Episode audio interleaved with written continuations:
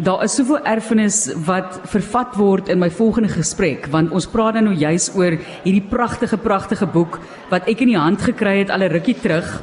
En toe is ek nou nogal bevoorreg om dit te kan lees voor die tyd want ek wil daar uit kook. dit is die groot ding. 'n Mens wil al die resepte uit hierdie boek maak. Dit is die Harvest Table. En ons praat daaroor want dit is aangewys as die beste kookboek in die wêreld, die Gourmand kookboek, soos dit aangewys is.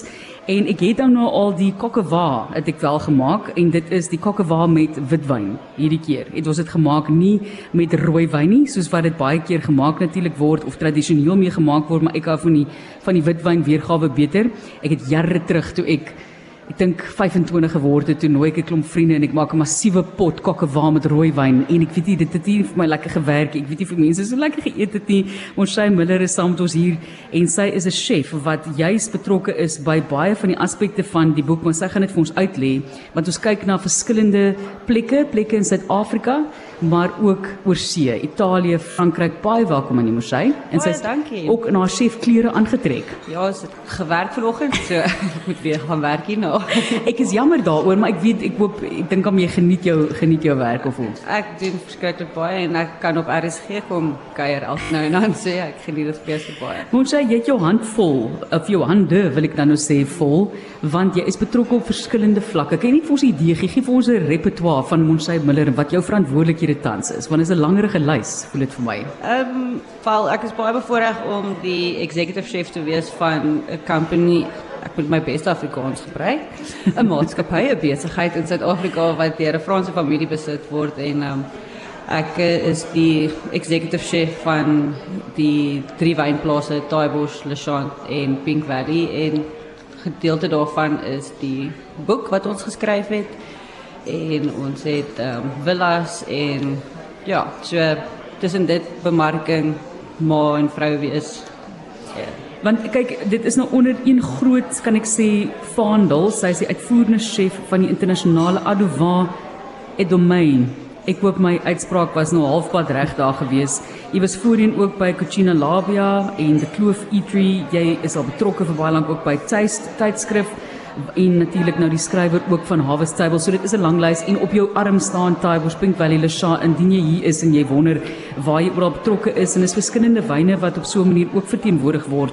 Vertel net vir ons hoekom die boek. Hoekom het jy besluit om dit saam te vat in die in die eerste plek om hierdie vier kan ek sê entiteite onder een vaandel te plaas? So ek was baie bevoorreg geweest om eendag by die restaurant te sit na 'n lang eh, besige service en um, toe kom die eienaars was hulle was hier van Frankryk en toe sê hulle het ek tyd om ergens net 'n klein bemarkingsprojekkie te hardloop waar ons 'n kookboek skryf. Nou dit is 'n droom vir enige chef om so 'n tipe bemarkingsprojekkie aan te pas.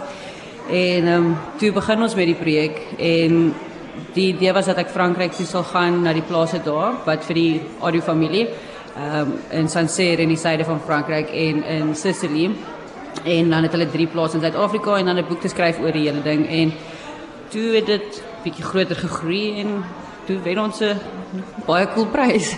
Die Gourmand wêreld kookboek van die jaar, die beste in die wêreld. En kyk, dit voel wanneer jy hierdie boek gaan, dit voel asof jy by hierdie familieplase kuier. Maar ek nie almal van hulle is familieplase, maar dit voel soos 'n familieplaas. Daai bos definitief. Dis hoe ons dit wou geskryf het. Ja. So ek baie bly dat dit so oorgekom. Definitief. En ons kan nie Rioja vergeet nie. Kyk, Rioja is een van my gunsteling wyn variëteite. Dis Spanje, Frankryk, Italië, Spanje en Suid-Afrika wat deur hierdie kan ek maar sê streke wat saamgevat word in die boek ehm um, tentoongestel word en is regtig pragtig saamgestel. So om dit om te besluit wat om in te sit met seker 'n baie moeilike taak wees. Want daardie streke daar's soveel dinge wat in die streke vervat word. In Taibos byvoorbeeld daardie maak die wynmakers se eie baguettes. En dis Frankryk jy weet maar daar is baie ander daar's waterblommetjie breedie in en so as ek reg onthou. Ek nou mooi daar is 'n breedie in. daar is 'n breedie ja, ja. in. Uh, maar ek ja, ek praat as 'n bietjie by kop uit. So hoe het julle die resepte gekies?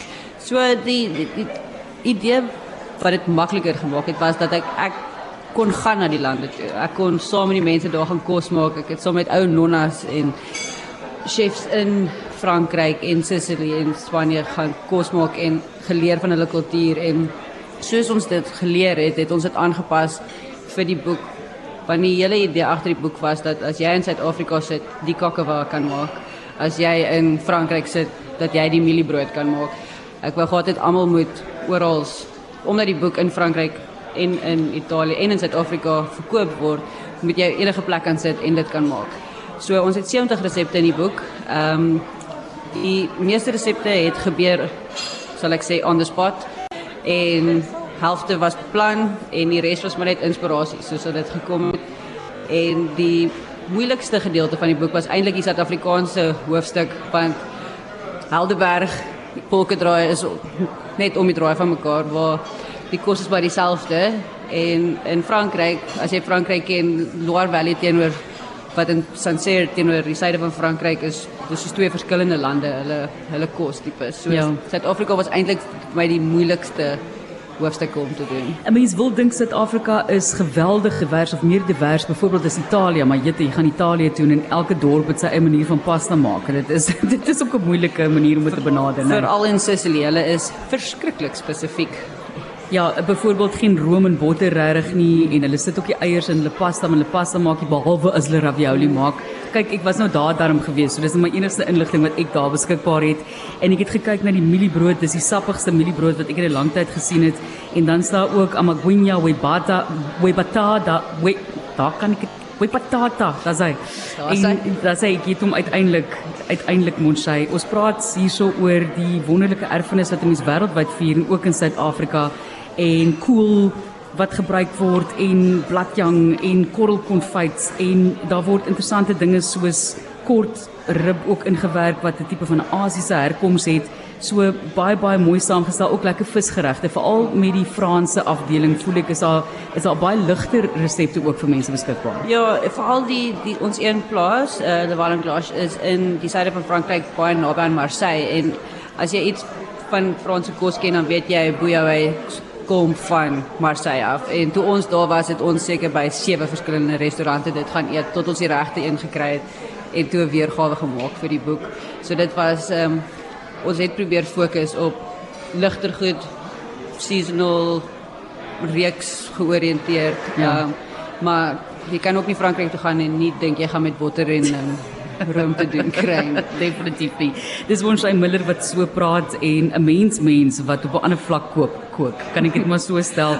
Uh, dit is Harvest Table en dit is a culinary journey through the winelands of France, Italy, Spain and South Africa soos dit op die boek staan en dit het die beste kookboek in die wêreld gourmand toekenning ontvang en ons is baie trots daarop. Ons sê vir julle baie baie geluk. Is dit jy op die voorblad? Dit is jy. Dit is, daar's my tattoos. sien, mense kan jou gesig sien nie. Jy sien net groente voor. Ek dink is rhubarb of wat is die woord ja, weer vir rhubarb, maar ja, dit is definitief op die voorblad. Monsay Miller net laastens voordat ons vir jou groet. Jy moet vir ons 'n storie van een van die families vertel.